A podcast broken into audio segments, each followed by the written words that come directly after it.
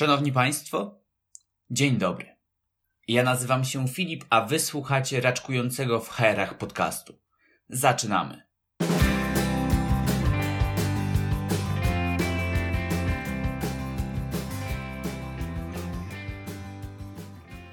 Moi drodzy, dzisiaj porozmawiamy o sprawach ciężkich, ważnych i wartych tego, by mówić o nich głośno. Zaprosiłem do rozmowy Monikę Wieczorek, która jest radcą prawnym, mocno angażującym się w prawo pracy i szeroko rozumiany HR. Monika sprawy trudne i skomplikowane tłumaczy w prosty i zrozumiały sposób, więc postanowiłem wykorzystać tą okazję i porozmawiać o temacie często pomijanym, a jeśli już podejmowanym, no to słabo wyjaśnianym. Mobbing i dyskryminacja to temat naszej dzisiejszej rozmowy. Miłego słuchania. Cześć Monika, dziękuję za przyjęcie zaproszenia. Cześć, dziękuję za zaproszenie, bardzo mi miło. Będziemy dzisiaj poruszać ciężki temat, bo porozmawiamy o dyskryminacji i mobbingu. Hmm, czy jesteś gotowa, żebym pomęczył Cię trochę pytaniami? Pewnie, bardzo chętnie. Zaczynajmy.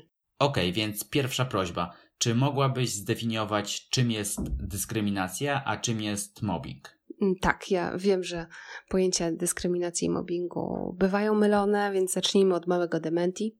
Po pierwsze, dyskryminacja nie jest formą mobbingu. Po drugie, mobbing nie jest formą dyskryminacji.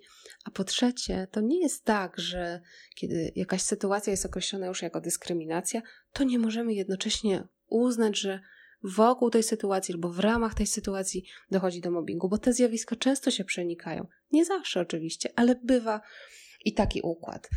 I kiedy mówimy o dyskryminacji, o jej e, definicji, to tak najogólniej rzecz biorąc możemy powiedzieć, że dyskryminacją jest nierówne traktowanie ze względu na cechę pracownika, które jest niczym nieuzasadnione. Nie znajdziemy żadnego obiektywnego uzasadnienia ani w faktach, ani w prawie, żeby móc powiedzieć tak, można nierówno traktować tę osobę, traktować ją inaczej niż tę drugą. I do form dyskryminacji należy dyskryminacja bezpośrednia, pośrednia, molestowanie, molestowanie seksualne także i zachęcanie do dyskryminacji. I zastanówmy się teraz, kiedy dochodzi do dyskryminacji. Wyobraźmy sobie kobietę, która bierze udział w rekrutacji, zostaje zaproszona na rozmowę, a w trakcie rozmowy słyszy: A czy pani ma dzieci? Aha, a planuje pani mieć kolejne? Mhm, to jak pani teraz y, pogodzi pracę zawodową z życiem prywatnym? Takie pytania są uznawane za pytania dyskryminacyjne. No pewnie to, to jest oczywiste, że one są niegrzeczne, że one naruszają prywatność, ale dlaczego dyskryminacyjne? A to dlatego, że skoro pracodawca zadaje te pytania, to znaczy, że zależy mu na odpowiedzi, a to znaczy, że od odpowiedzi, którą usłyszy, uzależni swoją decyzję. I to jest dyskryminacja bezpośrednia. Przykład molestowania kiedy pracownik słyszy od swojego przełożonego albo od swojego kolegi, bo to nie ma znaczenia, od kogo słyszymy taką negatywną informację, że na przykład jest y, szkodnikiem, no bo wiadomo, jest związkowcem, to tego rodzaju komunikat jest komunikatem, który określamy jako molestowanie. Kiedy pracownik usłyszy, a ty jesteś najmłodszy, no to co ty tam wiesz? Albo wiesz, w Twoim wieku, to ja wiem, że niekoniecznie Ty się znasz na komputerach. Ja Ci takiego pytania nie zadam, albo zadania Ci takiego nie zlecę. Przecież w Twoim wieku to Ty raczej nie umiesz go wykonać. Więc tego rodzaju komunikaty są komunikatami, które nazywamy właśnie molestowaniem, czyli każde będzie to niepożądane zachowanie, każde negatywne zachowanie stwarzające uwłaczającą, upokarzającą atmosferę, naruszające godność pracownika, a te komunikaty zdecydowanie za takie można uznać, tylko pamiętajmy, molestowanie ma miejsce wtedy, kiedy po drugiej stronie, czyli po stronie adresata, spotykamy się ze sprzeciwem. Czyli kiedy osoba, do której kierujemy nasze zachowanie, mówi stop. Nie chcę tego, bo jeżeli ona się zgadza na takie zachowanie, kiedy jej to pasuje z jakiegoś powodu, to o molestowaniu mówić nie możemy. Ale wiadomo, że będą takie komunikaty obraźliwe, yy, które tak będziemy mogli ogólnie określić jako naganne, upokarzające. W zasadzie bez względu na to, czy druga strona będzie potrafiła ten sprzeciw wykazać, a inna rzecz, że w miejscu pracy trudno ten sprzeciw wykazać czasami. Ja zachęcam do tego, że jeżeli chcemy stawiać i powinniśmy oczywiście stawiać granice wobec negatywnych komunikatów, zachowań niepożądanych jakiegokolwiek rodzaju, to stawiajmy te granice nawet po czasie, nawet z tak zwanym opóźnionym zapłonem, bo nam może brakować odwagi w momencie, kiedy słyszymy negatywny komunikat, ale starajmy się rzeczywiście yy, no, stawiać te granice na ile tylko możemy, nawet w SMS-ie, nawet w mailu, po kilku dniach, wtedy, kiedy się zbierzemy i, i już potrafimy się przeciwstawić. I o dyskryminacji mówimy już wtedy, kiedy te zdarzenia mają charakter jednorazowy. Nie musimy wykazywać, że jest ich bardzo dużo albo bardzo często się wydarzają. Nie będzie tak, e, kiedy będziemy mówić o mobbingu, bo mobbing to zjawisko, które charakteryzuje się tym, że polega na uporczywym i długotrwałym jednocześnie nękaniu lub zastraszaniu. I to pierwsza część definicji, a druga część definicji mówi o tym, że to działanie, to zachowanie tego rodzaju ma na celu albo wywołuje skutek w postaci obniżenia przydatności zawodowej, poniżenia, ośmieszenia lub izolacji albo wyeliminowania z zespołu. Więc bardzo szeroka definicja. A co więcej, pracownik jeszcze musi udowodnić, że to wszystko miało miejsce.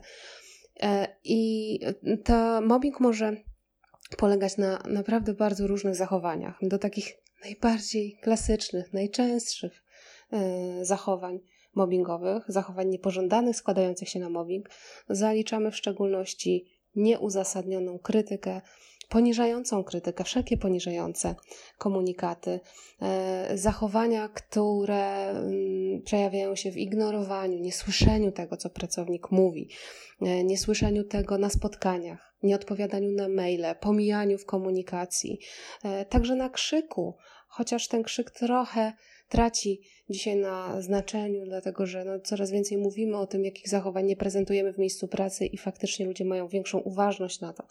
Ale też pamiętajmy o jednej rzeczy: i dyskryminacja, i mobbing to są zachowania, które mogą w różnych układach się pojawiać. To znaczy, my nie mówimy o tym, że one się wydarzają tylko wtedy, kiedy mamy mm, relacje przełożony kontra pracownik to są także układy na równym poziomie wobec współpracowników.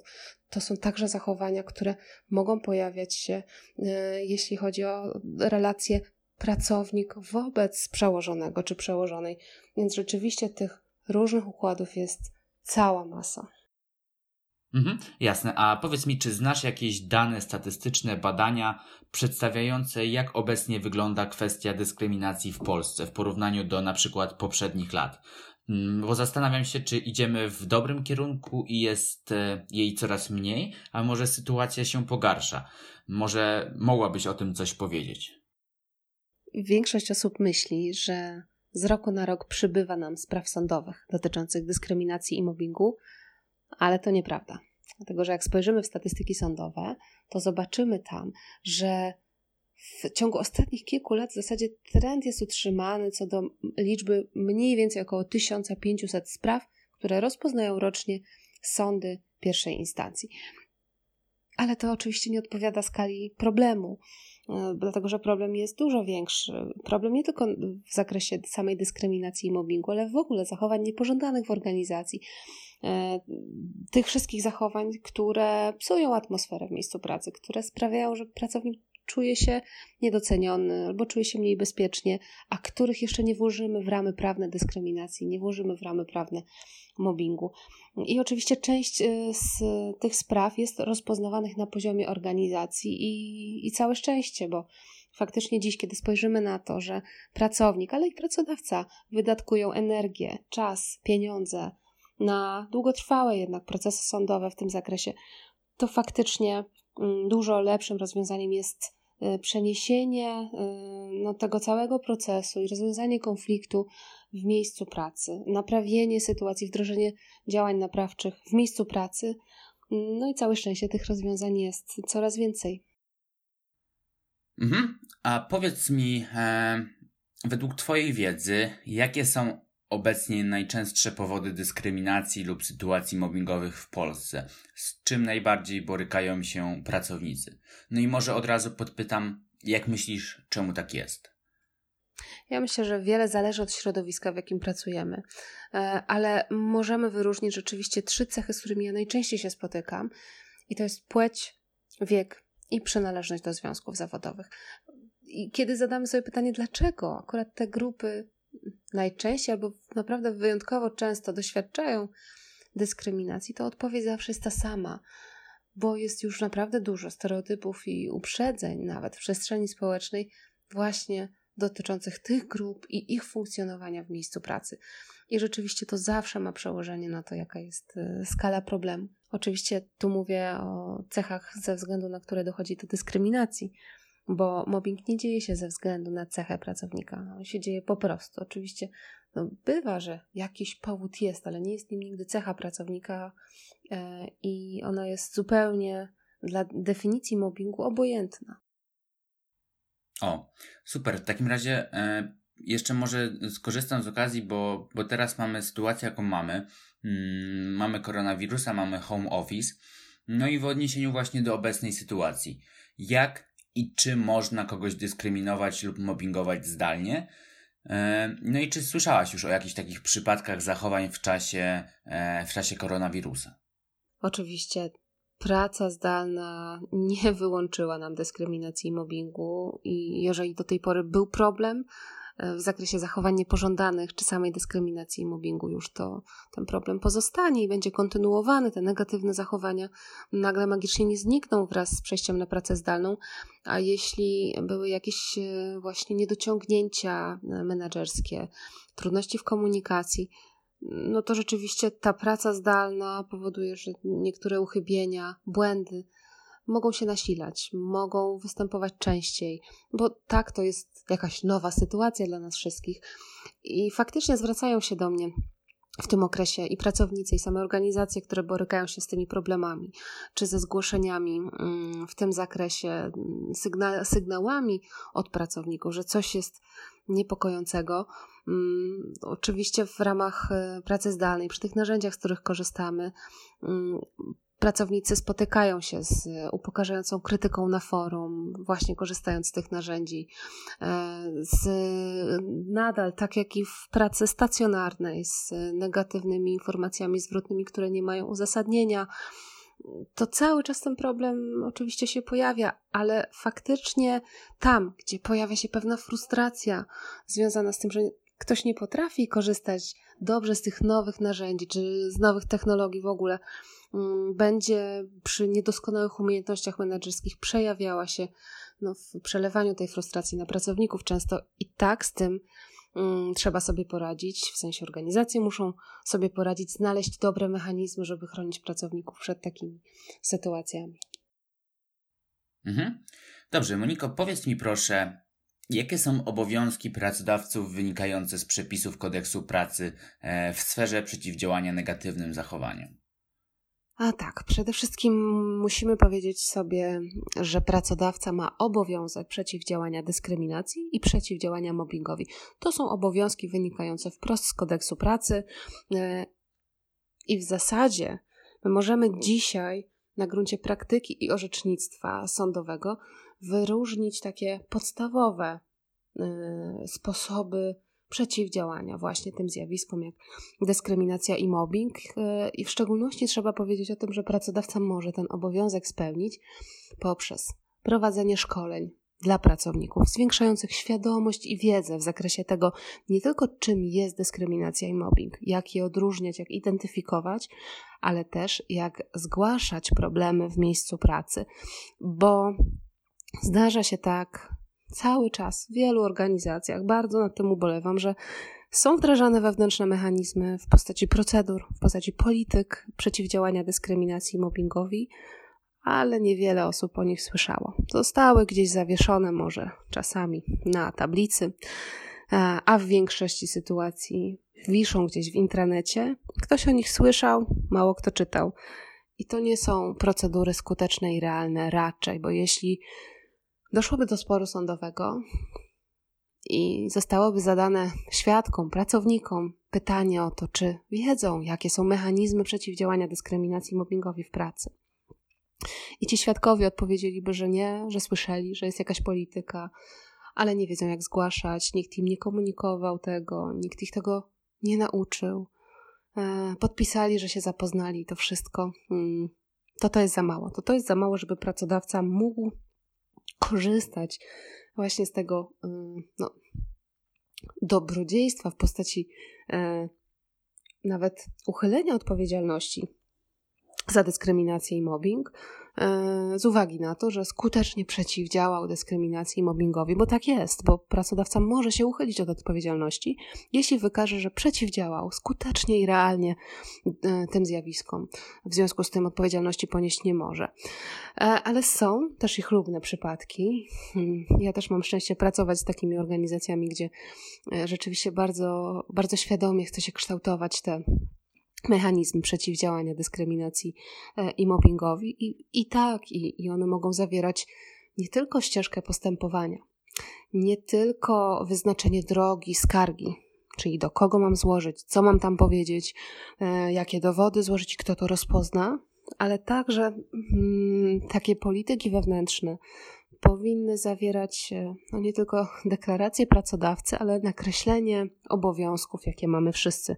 Dlatego, że za no, utrzymanie organizacji w takim bezpieczeństwie i organizacji wolnej od dyskryminacji i mobbingu oczywiście odpowiada pracodawca, ale jednostkowo wszyscy w miejscu pracy. Są za to odpowiedzialni w ten sposób, że powinni pomóc pracodawcy kształtować te zasady współżycia społecznego, dobrą atmosferę w miejscu pracy, bo nie chodzi tylko o to, żeby prawnie pracodawca się zabezpieczył przed dyskryminacją i mobbingiem, ale żeby realnie kształtować dobrą atmosferę w pracy, dobre postawy, y, żeby móc kształtować właśnie taką pozytywną, y, szczerą, otwartą kulturę organizacyjną, kulturę w szczególności opartą nie tylko na zaufaniu, ale także na otwartości, na otwartej komunikacji, bo w tym jest klucz. Jeżeli będziemy otwarcie komunikować się ze sobą mm, na co dzień, to jesteśmy w stanie zapewnić właśnie w takim miejscu pracy mm, bezpieczeństwo przed bardzo poważnymi negatywnymi sytuacjami w relacjach międzyludzkich, bo zwyczajnie będziemy wiedzieć, że jeśli coś się stanie negatywnego, to pracownik czy pracownica to zgłosi. To jest y, bardzo ważne, bardzo do tego zachęcam, żeby mm, patrzeć na dyskryminację i mobbing, y, czy, czy im przeciwdziałanie nie tylko z perspektywy prawnej, ale żeby jeśli już podejmujemy te działania, to żeby wokół nich zbudować całe zaplecze wcale nie procedur, jakbyśmy myśleli, ale całe zaplecze różnych narzędzi, które pozwolą nam kształtować właśnie tę kulturę organizacyjną, w której wszyscy szczerze i w zaufaniu możemy sobie powiedzieć i pozytywne rzeczy, i negatywne, i postawić granice i zwrócić uwagę, bo też y, warto to wspomnieć. Dyskryminacja i mobbing to owszem są patologie stosunków pracy. Opierają się na negatywnych zachowaniach, ale bywa tak, że osoba, która je przejawia, może zmienić swoje nastawienie, może też nie wiedzieć o tym, że działa negatywnie. Bywają takie osoby, które tłumaczą się, że nie miały złej intencji, że nie chciały tego, że to się wydarzyło automatycznie. Pomimo tego, że nie ma to znaczenia w sensie prawnym, to znaczy, że dyskryminacja i mobbing nie czekają na wymówkę i, i wytłumaczenie, ponieważ nie od nich y, zależy to, czy te zjawiska prawnie się wydarzyły i, i, i pasują do ram prawnych, to, y, to w takich y, sytuacjach możemy tym jakoś zarządzić, zwłaszcza kiedy sprawa trafia albo do HR-u, który taką sprawę może rozpoznać, albo do komisji wyjaśniającej, bo w tych wewnętrznych procedurach y, chodzi też o to, żeby ustawić odpowiednio te ciała, te podmioty, które będą odpowiedzialne za przyjmowanie y, skargi czy zgłoszenia. Ja wolę mówić tym językiem pozytywnym, jak zgłoszenie, a nie skarga, ale to, to jest zupełnie wtórne żeby móc określić, y, z ilu osób składa się komisja. Czy ona się składa tylko z pracowników, czy się składa na przykład z y, ekspertów zewnętrznych. Ja bardzo doradzam już na bazie moich wieloletnich doświadczeń, kiedy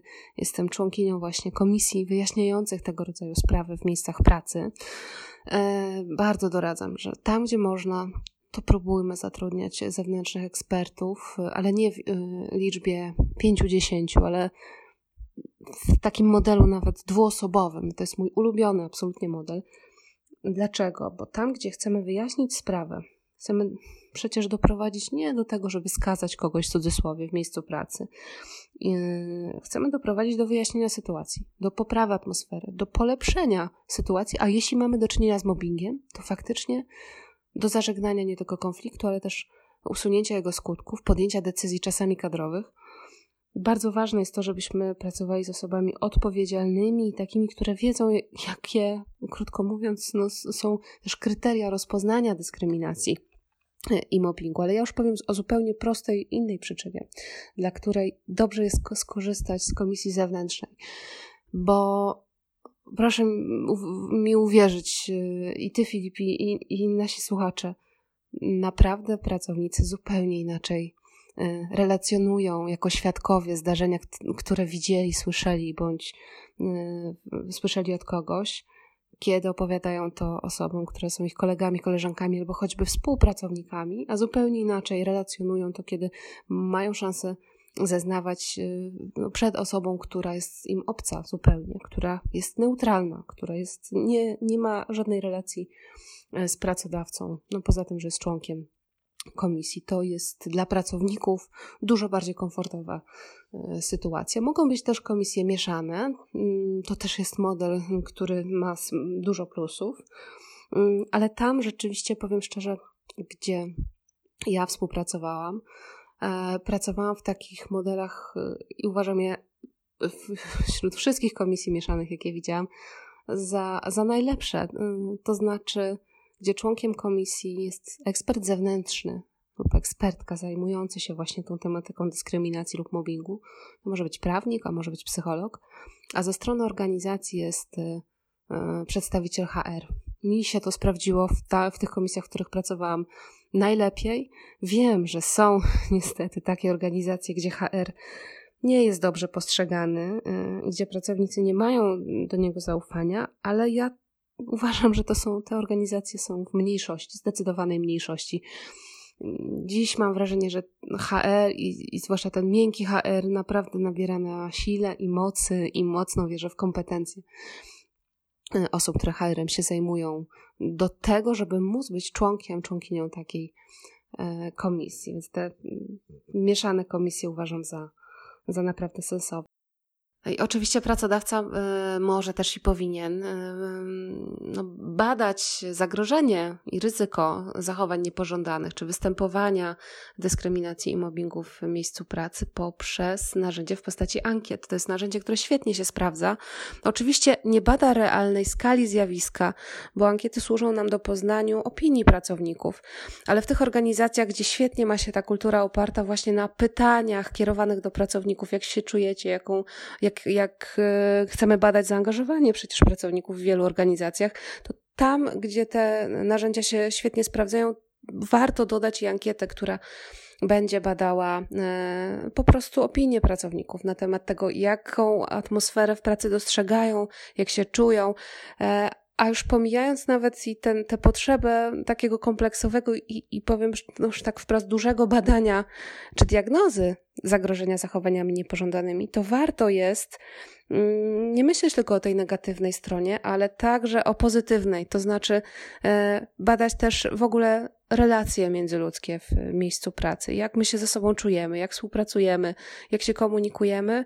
Mm, no i znowu ta sytuacja pracy zdalnej, której teraz doświadczamy, jest y, takim, taką przyczyną, może być dla zbadania choćby małym narzędziem, kilkunastoma pytaniami, tego, jak pracownicy radzą sobie właśnie z relacjami międzyludzkimi, ze współpracą w zespole, właśnie w ramach pracy zdalnej. Zwłaszcza przyda nam się to narzędzie tam, gdzie do tej pory nie mieliśmy no, historycznie możliwości do tego, żeby pracować zdalnie. Tam, gdzie tych stanowisk na pracę zdalnej nie mamy dużo, albo tam, gdzie nie korzystaliśmy często nagminnie z home office, a już na pewno, gdzie mniej korzystaliśmy z tych wszystkich technologii, które pozwalają nam dzisiaj skuteczniej pracować. Więc y, bardzo zachęcam zachęcam do tego, żeby badać niekoniecznie wielką diagnozą, mm, żeby nie robić od razu wielkiej diagnozy, ale choćby wyrywkowo próbować sprawdzać, jak się e, pracownikom zwyczajnie pracuje.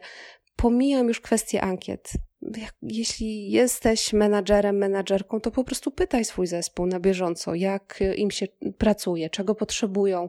Zwłaszcza dzisiaj, kiedy mamy to zagrożenie e, koronawirusem, gdzie żyjemy i pracujemy coraz większej niepewności, to jest super ważne. No i kolejna rzecz, o którą ja się wręcz można powiedzieć bardzo modlę, to znaczy hmm, marzę o tym, żeby w organizacjach coraz częściej, oczywiście na wzór zachodnich organizacji, było takie stanowisko, mm, które będzie pracowników nie tylko motywować, ale też dbać o ich e, dobrostan psychiczny czy zdrowie psychiczne w ogóle. Marzę o tym, żeby pojawili się na większą skalę psycholodzy w e, miejscach pracy. To jest niesamowicie ważne, ale my już dzisiaj obserwujemy to. Właśnie ta praca zdalna i sytuacja z koronawirusem pozwoliła nam tak naprawdę przyjrzeć się potrzebom ludzi i zobaczmy, że te benefity, które dziś pracodawcy, no zwłaszcza więksi pracodawcy, zwłaszcza korporacje kierują do pracowników, to nie są tylko takie benefity namacalne, ale dziś kierujemy coraz częściej tę pomoc psychologiczną, sesję z psychologiem przed rozpoczęciem pracy. Y, spotykamy się na, w pracy zdalnej na komunikatorze i rozmawiamy z psychologiem z wewnętrznym, jeszcze pewnie mniej, ale z zewnętrznym na przykład już i y, który pracowników nie tylko motywuje, ale stara się ich choćby odstresować, wprowadzić atmosferę bezpieczeństwa. To jest bardzo ważne i ja nie tylko marzę o tym, ale też wierzę i prognozuję, że za chwilę będziemy mieć dużo więcej miejsc pracy właśnie z osobami, które tak będą wspierać pracowników.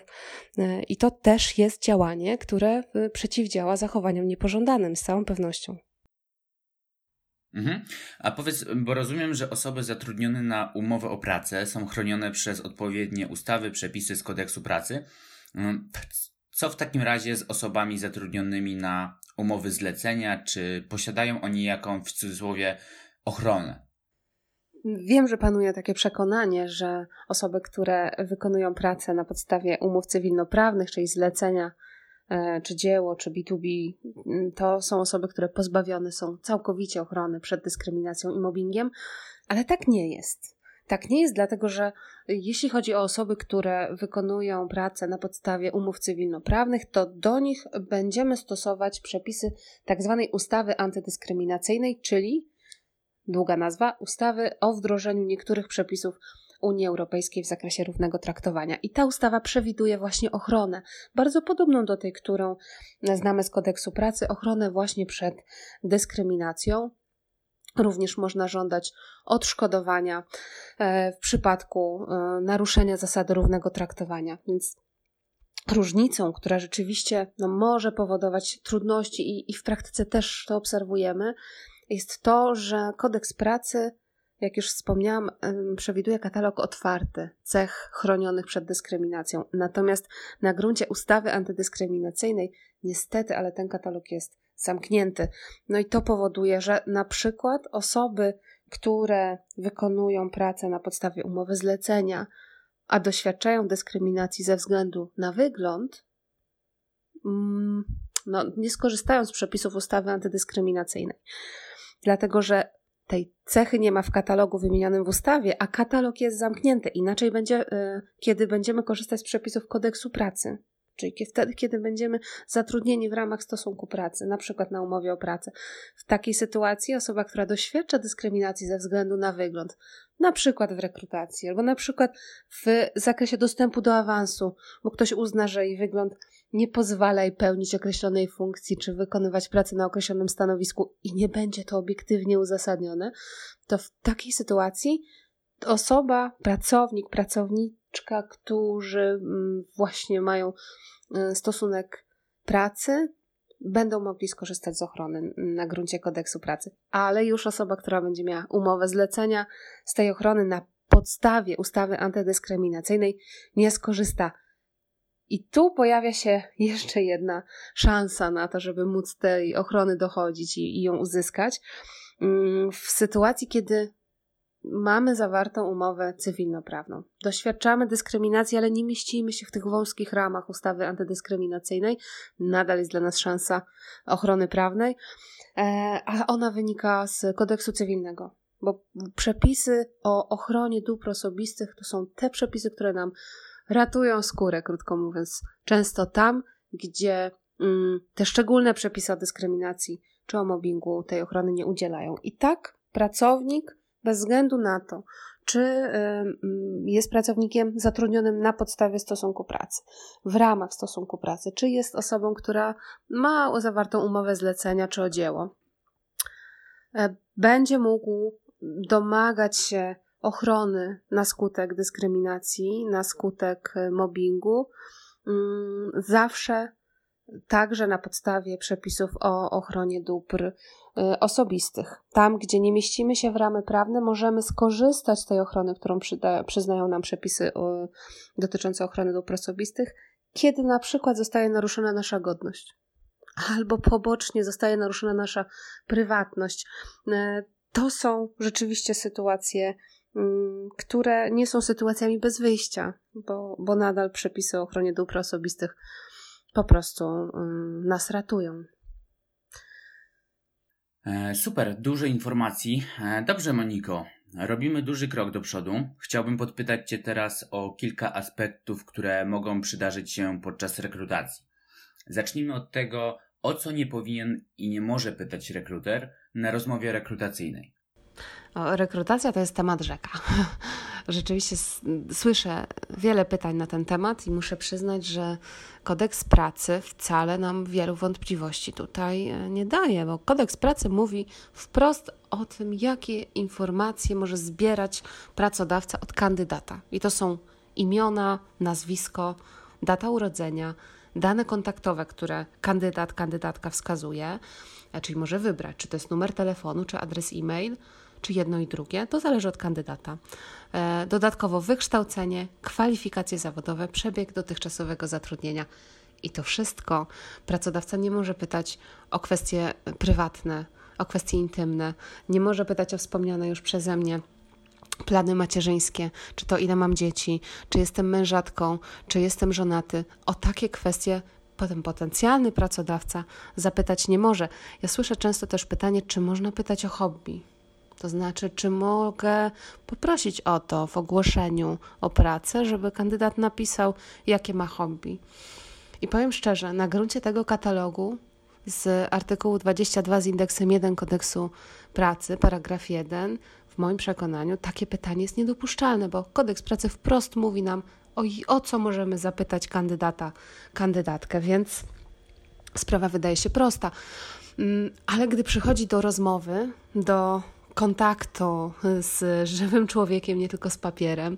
Wszystko jedno, czy stacjonarnie, czy tak jak teraz online, wiele rekrutacji się odbywa, to w takiej sytuacji e, no, może pojawiać się więcej wątpliwości. To znaczy, czy kiedy już rozmawiamy i rozmowa jest fajna i chcę sprawdzić też, czy kandydat do nas pasuje, to czy mogę wtedy zapytać o hobby. E, I znowu, to bym się cały czas odwoływała do tego katalogu z kodeksu pracy, który wprost nam mm, mówi o tym, o co pytamy. Zatem, skoro hobby tam nie ma, to o hobby starajmy się w takim razie nie pytać, choćbyśmy umierali z ciekawości. Choć ja wiem, że rekruter wcale nie zawsze umiera z ciekawości, ale że po prostu ch chce dowiedzieć się czegoś więcej, czegoś poza tymi suchymi danymi od kandydata. Natomiast pamiętajmy, że to mm, dopasowanie kandydata do naszej kultury będziemy mogli e, ocenić nie tylko po tych informacjach, które nam o sobie przekaże, ale też po jego sposobie bycia, czy jej sposobie bycia, po tym, jak e, opowiada o swoim e, doświadczeniu zawodowym, o, o tych kwalifikacjach, które nabył, e, czy właśnie o wykształceniu, o studiach, o tym, co tę osobę interesuje. Pomiędzy słowami wiele informacji wyciągniemy. Dobry rekruter wie, jak te informacje zdobyć, wcale nie pytając o kwestie prywatne, bo tych prywatnych informacji wyciągać rzeczywiście nie powinniśmy. Natomiast kiedy w trakcie tej luźnej rozmowy ktoś nam sam opowie o sobie więcej, ktoś sam zacznie mówić o swoich prywatnych sprawach, to oczywiście my nie możemy podjąć decyzji. E, bazując na tych informacjach i, i, i opierając się na nich, bo to jest niedopuszczalne na, akurat na gruncie przepisów antydyskryminacyjnych ale możemy z tą osobą rozmawiać, dlatego że jeśli kandydat sam nam informację przekazuje, to mamy do czynienia ze zgodą na, e, na przetwarzanie tych danych, tak naprawdę. Więc nawet jeśli ktoś te informacje poda w CV, czy w liście motywacyjnym, czy w mailu, w którym nam wysyła te dokumenty, opowie coś o sobie więcej, właśnie o swoim hobby, e, a są osoby, które nadal będą wpisywały w swoich dokumentach rekrutacyjnych na przykład e, coś więcej, stan cywilny, liczba dzieci, to, to, to się coraz rzadziej zdarza, ale, ale jeszcze się pojawia całkowicie, tego nie wypleniliśmy. Jeśli ktoś chce mm, swoje zdjęcie zaprezentować w CV, oczywiście może, Może, bo jeśli chce to zrobić, zgadza się na to, to pracodawca taką aplikację powinien też przyjąć. No, oczywiście może być też i tak, że będą pracodawcy, i też o takich słyszę, którzy powiedzą, że absolutnie nie przyjmujemy żadnych aplikacji ze zdjęciem, ponieważ uważamy, że jest to poza trendem, który obecnie obowiązuje. Chcemy, żeby zgłaszały się do nas osoby, które do nas pasują, które z nami e, no, komunikacyjnie się do nas potrafią dopasować, wiedzą, jakie są trendy aktualne. To zależy też od specyfiki branży, oczywiście, ale mm, no, zdarzą się mm, również takie sytuacje ale znowu pamiętajmy, tam gdzie pracownik, kandydat sam przekazuje te informacje, jest to dopuszczalne, możemy o tym rozmawiać, możemy tego wysłuchać, ale nie możemy podjąć decyzji bazując na tej informacji. Czyli nie możemy odmówić komuś zatrudnienia, mówiąc: A nie, u nas na przykład nie gramy w golfa, tylko w siatkówkę nie będziesz do nas pasować, bo w weekendy, jak się będziemy prywatnie spotykać, to będziemy mieć inne zainteresowania. E, humorystycznie trochę, ale tak. Takie sytuacje mm, po prostu nie, nie mogą mieć e, miejsca. Mhm. A co w przypadku, jeśli zapyta o którąś z tych rzeczy? Gdzie może zgłosić to kandydat? Jakie konsekwencje mogą ciążyć na rekruterze lub na firmie, w której ten rekruter pracuje? W tym kontekście wiele zależy od samego przebiegu rekrutacji. E, od tego, nie tylko jakie pytania zostały zadane, ale w ogóle jak się zachowała osoba, która je usłyszała, ale także czy zostało jej zakomunikowane to, że ze względu na tę konkretną odpowiedź nie zostanie zatrudniona, bo po prostu nie pasuje do, do tego pracodawcy.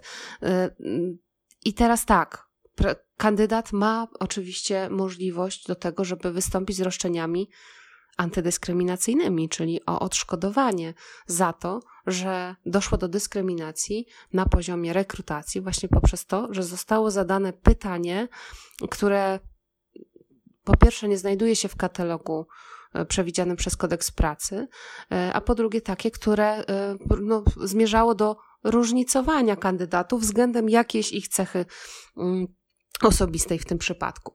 I to jest jedna rzecz, ale pracownik, czyli kandydat jeszcze może również w sytuacji, kiedy uzna, że doszło do naruszenia e, związanego z przetwarzaniem danych osobowych, e, do naruszenia przepisów o ochronie danych osobowych, może wystąpić na przykład ze skargą do organu nadzoru, czyli prezesa Urzędu Ochrony Danych Osobowych, wskazując, że mm, pracodawca ten potencjalny e, zapytał go o kwestie, których prawo nie dopuszcza do, do zadania. Więc to jest kolejne narzędzie, z którego kandydat może skorzystać. No i oczywiście osławione RODO przyznaje też możliwość e, żądania odszkodowania w takich sytuacjach jednostkowo przez każdą osobę, wobec której doszło do właśnie tych sytuacji negatywnych związanych z przetwarzaniem jej danych osobowych. Więc tu tych e, mechanizmów jest, jest kilka.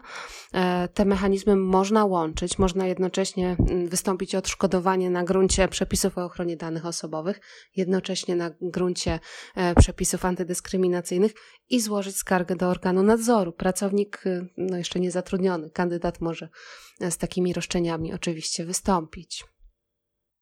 Aha, a jeszcze takie, takie, takie szybkie pytanie. Czy za błędy, mam na myśli dyskryminację ze strony rekrutera, odpowiada on sam, czy odpowiada firma? Tak, ja się spotykam też z takimi pytaniami e, o to mm, jak, to, jak to jest e, rozwiązane. To znaczy, czy tylko pracodawca ponosi odpowiedzialność, czy także firma, która to pytanie zadała. Oczywiście dużo zależy od tego stosunku umownego, który jest y, ułożony pomiędzy pracodawcą a na przykład agencją, którą wynajmuje do procedowania przy y, konkretnej rekrutacji, ale no, co do zasady odpowiedzialność będzie ponosił y, pracodawca w takim przypadku. Natomiast oczywiście, jeżeli się okaże, że pracodawca hmm, no, zaufał firmie rekrutacyjnej, że przeprowadzi rekrutację zgodnie ze sztuką, a nie otrzymał tej usługi i był na przykład zmuszony do poniesienia konsekwencji e, prawnych. Oczywiście pracodawca będzie mógł od agencji, e, z którą e, współpracował dla tej konkretnej rekrutacji, w której doszło do naruszenia przepisów prawa, będzie mógł oczywiście dochodzić roszczeń od takiej agencji. No wiele tutaj zależy od, od tego stosunku umownego pomiędzy agencją a, a pracodawcą. Ale tak, nie jest wykluczone, że E, agencja czy, czy rekruter także poniesie odpowiedzialność. Aha, rozumiem. Dobrze, Moniko, pozostając, pozostając w temacie mm, rekrutacji, e, pytanie odnośnie ofert pracy. Z jakimi przykładami dyskryminacji spotykasz się najczęściej, kiedy widzisz publikowane oferty w internecie? Może są jakieś błędy, z których my, rekruterzy, nie zdajemy sobie sprawy? Myślałam, że te czasy już minęły i już nie spotykamy się z takimi ofertami i one są cały czas w mniejszości, ale mimo wszystko nadal y, się je spotyka, gdzie pracodawca zapewnia kandydatów, że kiedy zdecydują się na jego ofertę, to spotka ich praca w młodym, dynamicznym zespole. No i na pierwszy rzut oka wydawałoby się, że się nic złego nie dzieje, bo młody i dynamiczny zespół to, to nie jest y, nic negatywnego nie jest to potwór, który nas zje, ale rzeczywiście mm, my uznajemy dzisiaj, e, że taki komunikat e, płynący z ogłoszenia o pracę ma dać kandydatom do zrozumienia, że powinni pasować do tego zespołu. Skoro zespół jest młody i dynamiczny, to osoba starsza wiekiem, e, taka, której młodą mm, trudniej będzie ją nazwać, po prostu nie będzie do niego pasować. I tak tego rodzaju ogłoszenia o pracę uznajemy za dyskryminujące ze względu na wiek. Takich błędów e, można, można oczywiście jeszcze mnożyć, choć te ogłoszenia o pracę przyznaje się, że są coraz lepsze. Jakby spojrzeć na ogłoszenia o pracę e, sprzed pięciu, jeszcze dziesięciu lat, to rzeczywiście tego młodego, dynamicznego zespołu była cała masa, była cała masa e, ogłoszeń, w których e, pracodawcy poszukiwali sekretarki, asystentki. No dziś już e, rzeczywiście staramy się tego języka używać równościowo. I tam, gdzie końcówki dla kogoś mogą brzmieć egzotycznie, po prostu staramy się w miarę neutralnego języka używać, pisząc na przykład pracownik czy pracowników biurowych to już raczej płci nam mm, nie sugeruje. Rzeczywiście widać, że coraz więcej końcówek e, męskich, żeńskich pojawia się w e, nazwach stanowisk i ja uważam, że to jest e, oczywiście dobry, dobry trend, tak to powinno wyglądać. Myślę, że język aż tak nie razi, jak niektórzy straszą, i że jest to dziś już naprawdę przyjęte, jest przyjętą normą, że, że używamy końcówek męskich, żeńskich e, wszędzie, gdzie się tak naprawdę, e, tak naprawdę da. Mhm. Okej, okay. a wiesz co, zastanawiałem się jeszcze ostatnio, mm, jak wygląda kwestia z monitoringiem poczty elektronicznej pracownika, no i innych form podglądania tego, co robi. Jak wygląda to w świetle prawa? Tak, monitoring to jest teraz gorący temat i słusznie, e, bo coraz więcej widzimy rozwiązań, które mogą wkraczać w sferę prywatną pracownika i dobrze, żeby mm, prawo odpowiadało na tę potrzebę z kolei pracownika i ochrony jego prywatności. No, co nam mówi kodeks pracy na ten temat? E, kodeks pracy dopuszcza rzeczywiście monitorowanie poczty elektronicznej i też inne formy monitoringu, także właśnie te związane z wykorzystaniem nowych technologii, ale muszę powiedzieć, że ten jakby katalog dopuszczalnych sytuacji jest tutaj bardzo ograniczony, dlatego że ustawodawca przewidział tylko dwa cele, dla których pracodawca może monitorować pocztę elektroniczną pracownika e, albo inną jego aktywność w inny sposób, właśnie monitorując.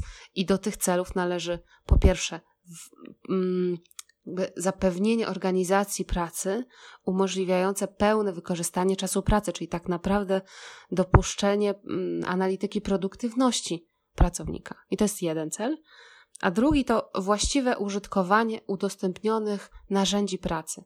I tylko dla tych dwóch celów pracodawca może wprowadzić kontrolę właśnie aktywności pracownika, e, na przykład poprzez monitorowanie poczty elektronicznej albo e, innej jego aktywności, w, w, na przykład w sieci czy w ogóle w systemach informatycznych pracodawcy.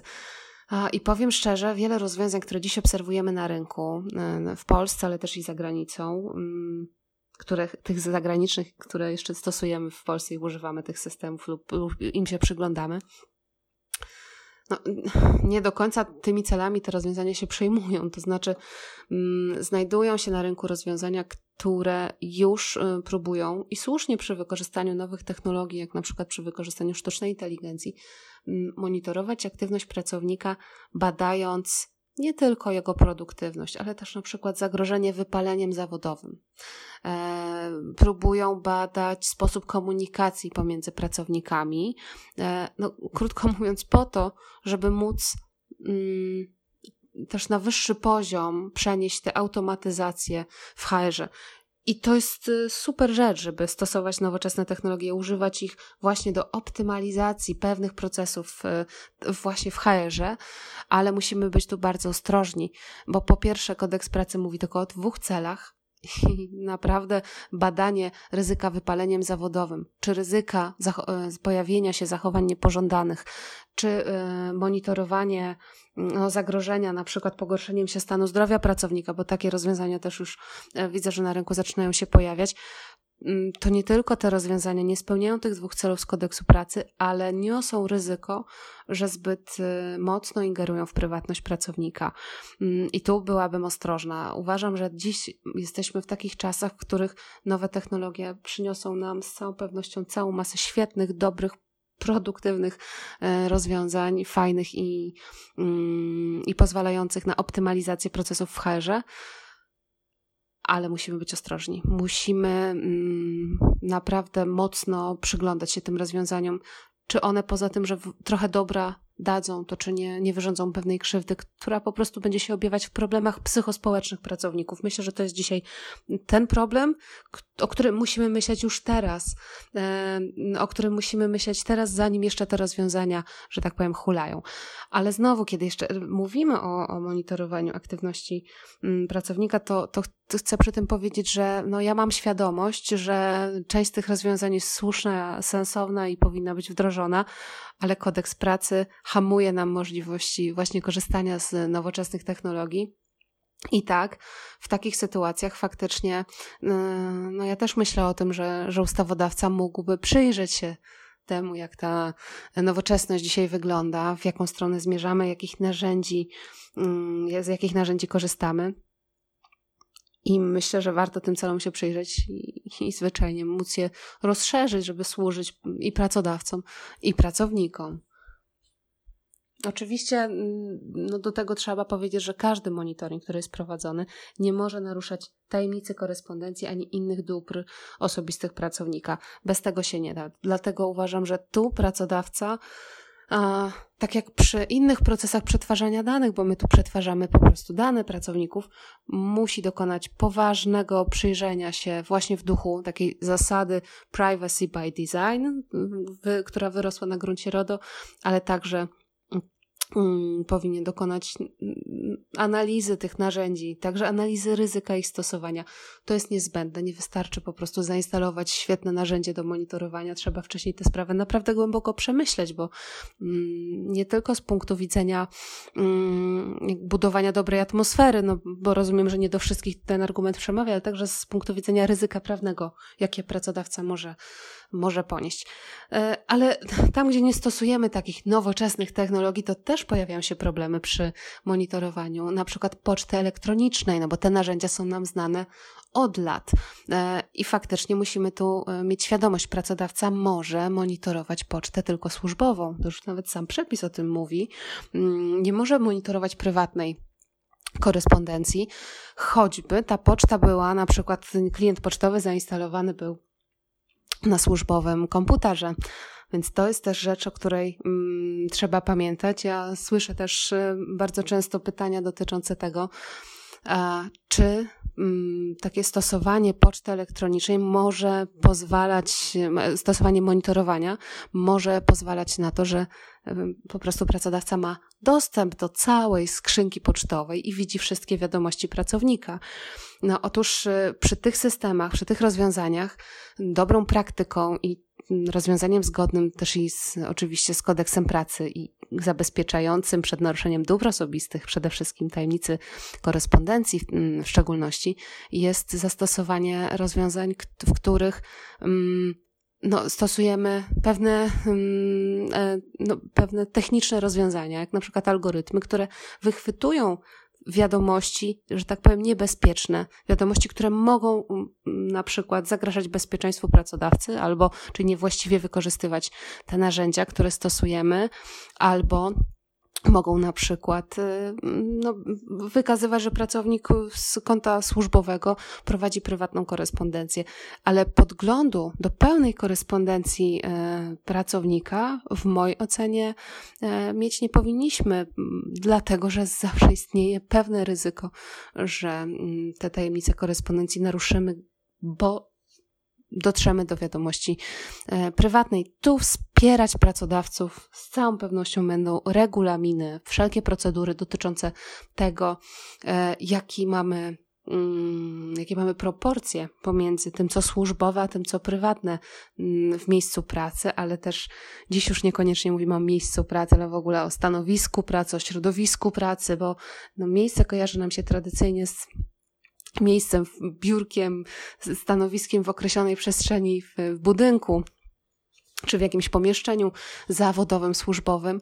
No a dziś, kiedy pracujemy na, w ramach pracy zdalnej, no to naszym biurem, naszym stanowiskiem, naszym miejscem pracy jest pokój, kuchnia albo po prostu biurko pod ścianą. I, I tak to dzisiaj wygląda. I tak pracodawcy muszą w tym zakresie bardzo uważać na to, E, jak wykorzystują pracownicy mm, sprzęt, który jest im powierzany.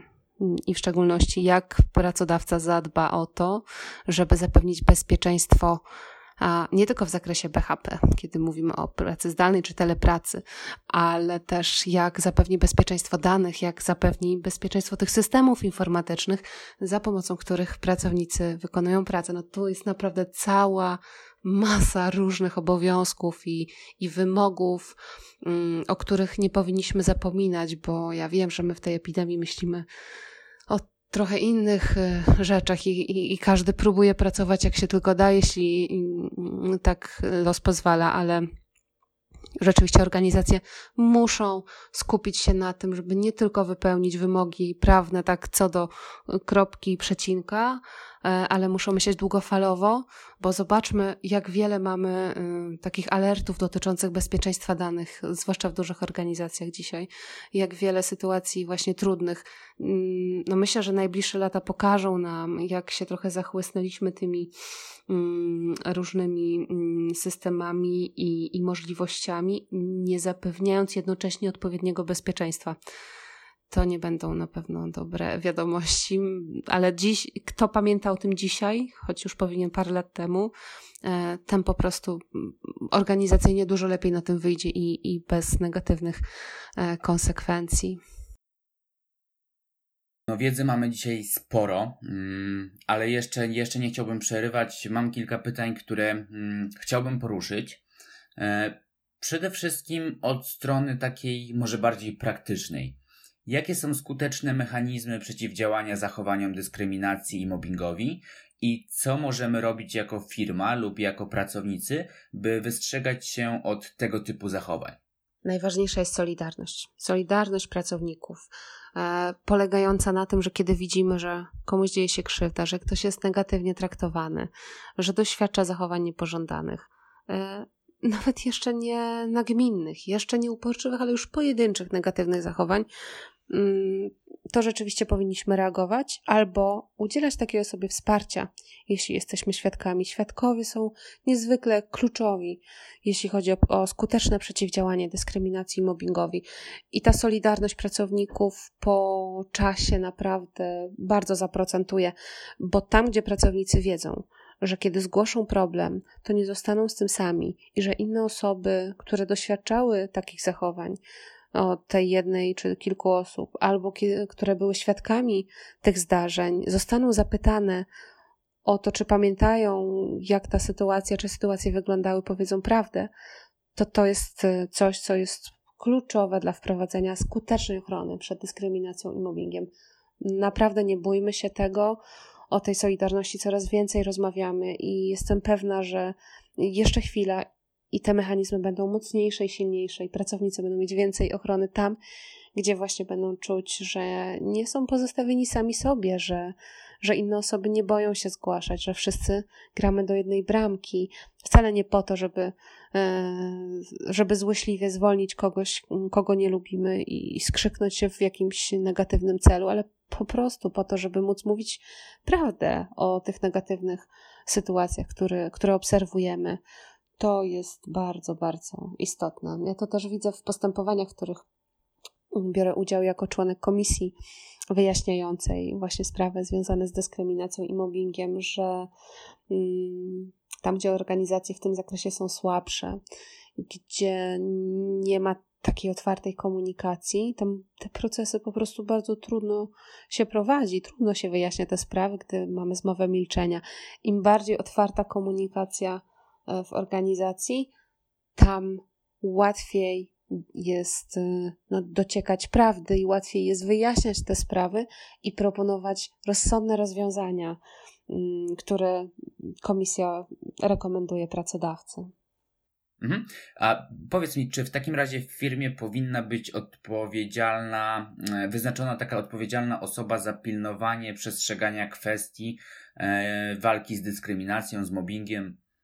O tak, jak najbardziej. Zdecydowanie tak. E, jeżeli w organizacji będzie wyznaczona osoba, która odpowiada za przeciwdziałanie zachowaniom niepożądanym, dyskryminacji, mobbingowi, e, i ta osoba będzie mm, naprawdę takim, taką realną pomocą e, dla pracowników, to już mamy naprawdę połowę sukcesu za sobą, dlatego że Wyznaczenie takiej osoby, nie tylko na papierze, y, powoduje, że pracownicy wiedzą, że zanim podejmą decyzję o tym, że chcą coś zgłosić, to mają z kim to skonsultować. No i oczywiście powinni wiedzieć i ufać, że jest to przekaz, te informacje, które przekażą tej osobie, są przekazane w absolutnej poufności. Poufność w postępowaniach dotyczących dyskryminacji i mobbingu w miejscu pracy, wewnątrz organizacji jest niezwykle istotna, więc tak, y, mm, jest to bardzo ważne i, i coraz więcej mamy rzeczywiście już organizacji, które mają taką osobę, na przykład mają diversity managerów. Y, świetne stanowisko, coraz bardziej popularne, ale ja bym poszła jeszcze dalej. To diversity manager będzie tą osobą, która mm, będzie projektowała w organizacji fajne mechanizmy, dobre mechanizmy w zakresie e, promocji równości, narzędzi z zakresu różnorodności. Oczywiście ten zakres zadań może być dużo szerszy, bo nazwa oczywiście nie, nie określa tylko mm, takiego wąskiego charakteru, ale fajnie, jeśli ta osoba albo inna osoba jeszcze zostanie e, wyznaczona po to, żeby móc e, mm, projektować różne rozwiązania z tego zakresu i móc doradzać wewnątrz organizacji właśnie takim różnym, w takich różnych obszarach związanych z zachowaniami niepożądanymi, dyskryminacją, mobbingiem, ale także pozytywnie w zakresie budowania e, kultury różnorodności i, i szacunku do różnorodności, bo to też jest bardzo ważne. Jasne. Wiesz co, wcześniej podpytałem Cię o, o kwestie związane z, e, z dostępem do tego, co pracownik robi, do poczty elektronicznej. E, teraz na szybko jeszcze tak e, pomyślałem sobie, że ciekawą, ciekawą kwestią byłoby poruszenie tematu, w jaki sposób pracodawca powinien informować personel o wprowadzanym, e, wprowadzanym monitoringu. Jakbyś mogła powiedzieć kilka zdań na ten temat. No, w zakresie informowania pracowników o monitoringu pracodawca ma naprawdę sporo obowiązków do spełnienia. I po pierwsze, musi przekazać informacje o celu, zakresie i sposobach stosowania monitoringu i ten obowiązek spełnia informując albo w układzie zbiorowym, albo w regulaminie pracy, a jeśli nie musi mieć regulaminu pracy, jego nie ma, to w obwieszczeniu. Więc to jest ten pierwszy obowiązek do spełnienia. Po drugie, pracodawca musi oznaczyć monitorowaną przestrzeń. Kodeks pracy mówi o tym, że znakiem graficznym lub sygnałem dźwiękowym. E, I tu tak naprawdę pracodawca ma możliwości do zastosowania tego oznaczenia, na przykład e, piktogramami, tak jak przy monitoringu z użyciem kamer, także wtedy, kiedy monitoruje przy użyciu nowoczesnych technologii. Mm, na przykład mogą to być jakieś oznaczenia na systemach informatycznych, przy zalogowaniu się przez użytkownika. To ten obowiązek także jest do spełnienia w tym przypadku. I po trzecie, pracodawca musi przekazać informacje o przetwarzaniu danych osobowych. No z tego obowiązku przepisy o monitoringu nie zwalniają, więc każdy pracodawca pracowników musi na gruncie RODO informować o przetwarzaniu danych osobowych. No i oczywiście, jeśli stosuje monitoring, to najlepiej, jeśli do tej informacji dołączy także informacje o przetwarzaniu danych pozyskanych i przetwarzanych dalej w ramach monitoringu. Czyli tych obowiązków jest y, naprawdę sporo. I to, co jest y, istotne także, to to, jakim językiem pracodawca się posługuje, kiedy właśnie informuje o monitoringu, bo język musi być jasny, prosty, przejrzysty. Te informacje nie mogą być napisane takim tylko prawniczym językiem. To musi być y, język pozbawiony nadmiernej ilości profesjonalizmów. To powinien być język klarowny, taki, z którego odbiorca będzie mógł od razu wyczytać, jakie y, są właśnie zastosowania monitoringu w miejscu pracy.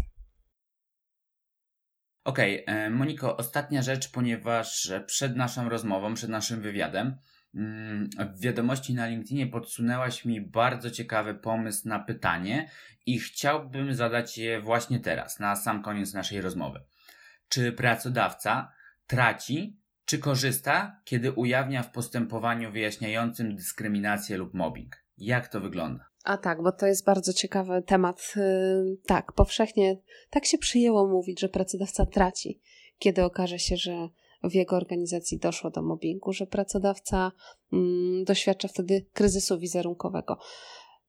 Owszem, nie jest to na pewno dobra wiadomość, że do mobbingu dochodziło i nikt mm, nie przeciwdziałał temu zjawisku, nikt go nie zatrzymał w momencie, kiedy jeszcze można było zatrzymać, ale chcę powiedzieć tyle, że są sytuacje, w których tak naprawdę informacje o tym, że do mobbingu dochodziło prędzej czy później, ujrzą światło dzienne, i w takich sytuacjach dużo lepiej e, wychodzi pracodawca z takiego kryzysu, który z otwartą przyłbicą mówi wprost o tym, że zdarzyło się coś negatywnego, że zdarzył się mobbing, ale potrafimy zarządzić tą sytuacją, naprawić swój błąd, e, zadośćuczynić osobie, która tego zjawiska doświadczyła.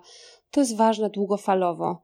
To jest ważne e, wizerunkowo, ale też ważne z punktu widzenia budowania takiej odpowiedzialnej organizacji, budowania uczciwości, otwartości. E, to się może zdarzyć wszędzie. Mobbing może zdarzyć się także, tak jak mówiłam wcześniej, także w zdrowej organizacji. E, I nie powinniśmy tego się wstydzić, ale po prostu uczyć na, na błędach. I to nawet takie negatywne zdarzenie może przynieść pracodawcy długofalowo po prostu dobrą lekcję, na przyszłość y, i możemy wyciągnąć wnioski, budować organizację po prostu sprawniej. Świetnie. Monika, poruszyliśmy dzisiaj bardzo ciężki i bardzo ważny temat. Dziękuję, e, dziękuję Ci za obecność, dziękuję za to, że poświęciłaś nam swój czas. To była przyjemność móc z Tobą porozmawiać i bardzo się cieszę, że, ta, e, że to nagranie wyjdzie mm, na światło dzienne i że no, kilka mam nadzieję, jak nie więcej osób wyciągnie z tego jakąś, e, jakąś lekcję, jakąś wiedzę. E, Monika, taka ostatnia prośba i w sumie chwila dla Ciebie, dla mm, przedstawienia tego, co robisz i gdzie nasi słuchacze są w stanie Cię znaleźć, gdzie mogą e, poczytać o Tobie, poczytać o tym, co Ty mówisz. Mm, więc proszę. Dzięki. Jestem radcą prawnym partnerem w kancelarii Wieczorek Kilarska. Zajmuję się prawem HR i ochroną danych osobowych. Pomagam organizacjom budować wewnętrzne mechanizmy przeciwdziałania zachowaniom niepożądanym, zgłaszania nieprawidłowości, zarządzania różnorodnością. E, to są absolutnie moje ulubione tematy i chętnie doradzam w tym zakresie. Reprezentuję przed sądami i pracowników, i pracodawców.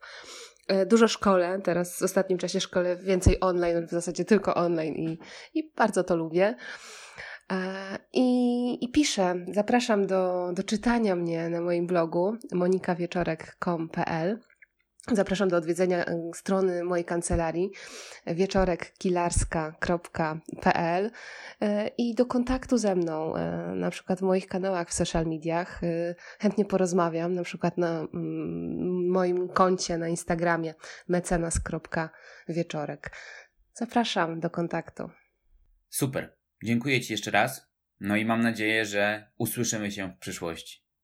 Dziękuję. Mm, bardzo miło się z Tobą rozmawiało. Mam nadzieję, że ta nasza rozmowa e, coś komuś pomoże, obudzi jakieś refleksje. Bardzo było mi miło. Dzięki wielkie. Do zobaczenia. Cześć.